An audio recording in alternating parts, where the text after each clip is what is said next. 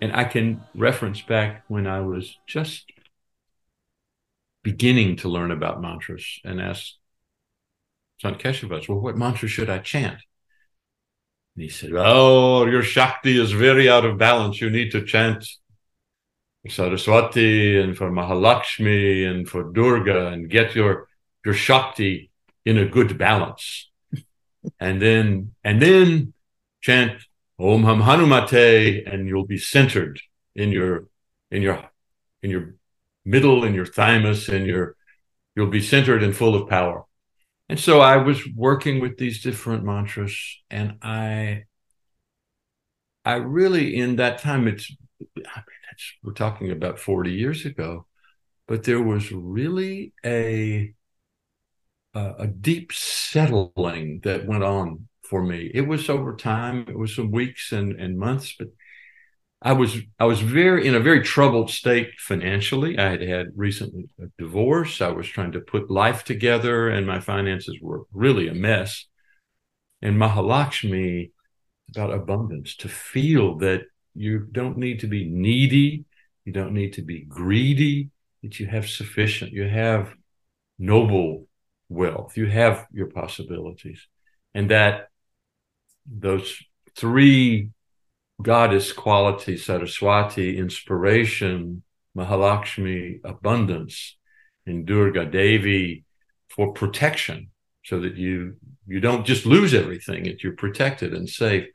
That was a very balancing, powerful experience for me, and I, I really look forward. I I think it can be a wonderful thing that we can a, a wonderful mantra that I want to uh, just say that we, we did uh, to me it came that i could chant these three names together.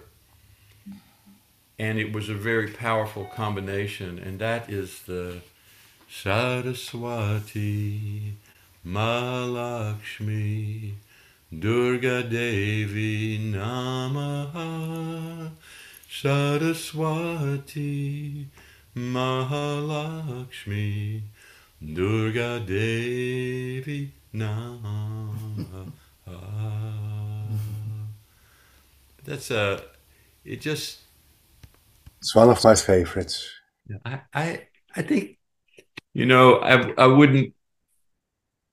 I think it's a good one for you, my dear friends. yeah.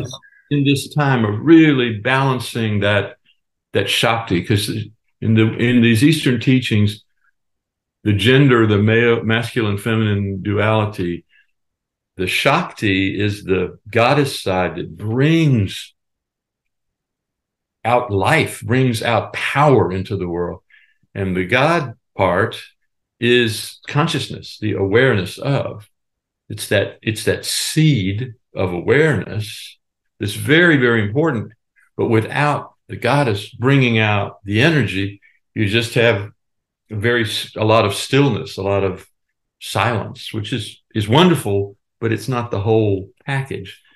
And that's uh, it's a beautiful thing in this time when we are, you know, it's talked about in different ways the reawakening of the goddess or the the, the divine feminine being more honored and recognized, and the the, the the relaxing and the dissolving of the patriarchy and the domination of the feminine by the masculine that's been such a strong feature on our planet mm-hmm. for some time i think this is gives some support and some beautiful energy for that expression of the of the shakti of the of the goddess in a in a very beautiful way Mm. Thank you. I will take this in. I think it's good for our world. Yeah, yeah, yeah. I Do I have? Uh, I think I have some I, some goddess energy coming in here. yeah.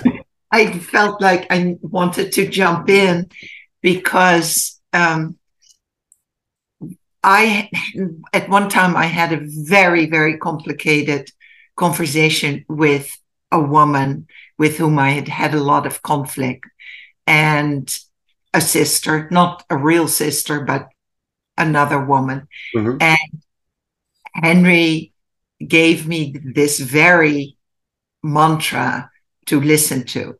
And I listened to it over and over and over again. She was half an hour late. And while I was waiting for her, I was listening with my earphones um, to this mantra. And then we had an amazing conversation where I was in abundance, in my strength, and it was incredible. Um, and we really healed what had happened between us. So I just want to underscore the power of these mantras.